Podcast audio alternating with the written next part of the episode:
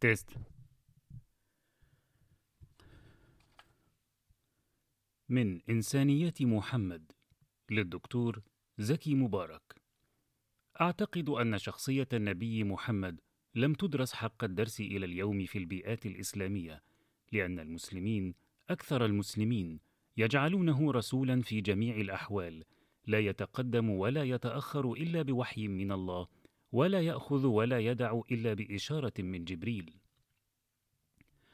ومعنى ذلك أن شخصية محمد في جميع نواحيها شخصية نبوية لا إنسانية.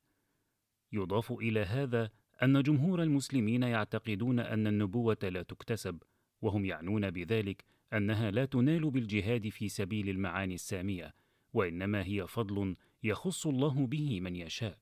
وإنما غلبت هذه العقيدة لأن الإسلام نشأ في بيئات خاضعة للعقلية الوثنية والرسول صلى الله عليه وسلم لم يشق بين قومه إلا لأنه حدثهم بأنه بشر مثلهم.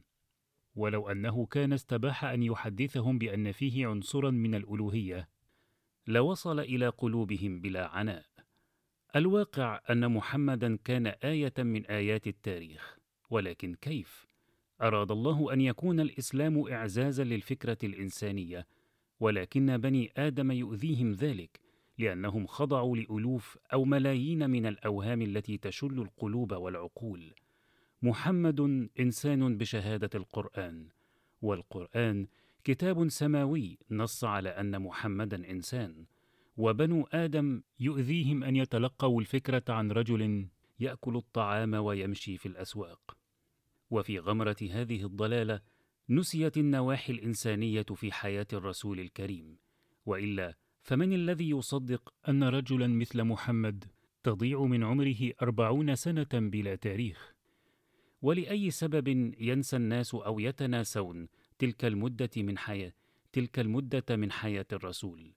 إنهم يصنعون بتاريخ محمد الرسول ما صنعوه بتاريخ الأمة العربية، لأنهم أرادوا أن يخضعوا خضوعا تاما للمعجزات فالنبي لم يكن رجلا عبقريا وإنما خصه الله سبحانه بالرسالة فكتب له الخلود. والعرب لم يكونوا أمة قوية وإنما ارتقوا بفضل الرسول. وما يجوز عند جمهور المسلمين أن يقال إن الله خص محمدا بالرسالة لأنه كان وصل إلى أسمى الغايات من الوجهة الإنسانية ولا أن يقال إن الله اختار ذلك الرسول من العرب لأنهم كانوا وصلوا إلى غاية عالية من قوة الروح.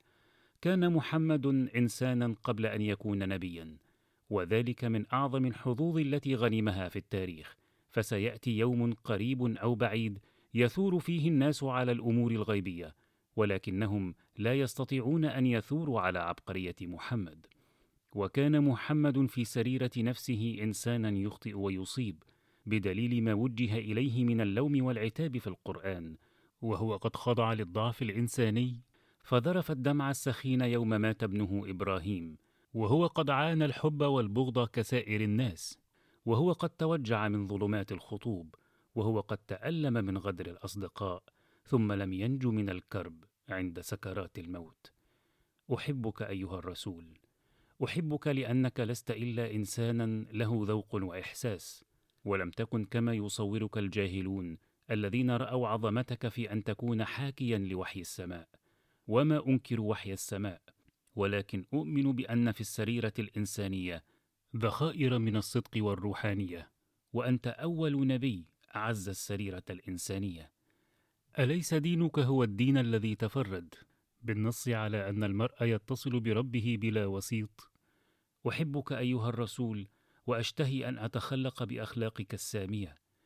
أحبك لأنك جعلت الحرب في سبيل الحق شريعة من الشرائع وهي مزية إنسانية. وكان الأنبياء من قبلك يكتفون بالتفكير في عجائب الملكوت.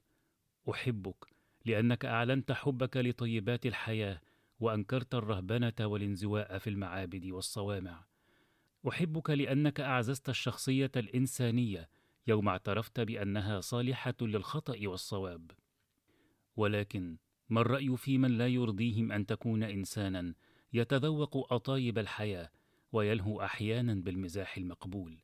ما الرأي في من يتوهمون أن الشخصية النبوية مجردة من البهجة والأريحية ما الرأي في من يخرجون من فردوس العقيدة الصحيحة؟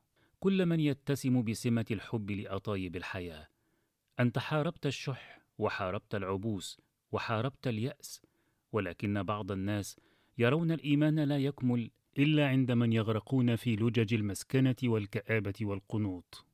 كنت إنسانا أيها الرسول قبل أن تكون نبيا وتلك الإنسانية هي التي فتحت صدرك للصفح عن هفوات الناس وهي التي جعلتك تنظر إلى ضعفهم بعين العطف وهي التي قضت بأن تذوق ملوحة الدمع في بعض الأحيان.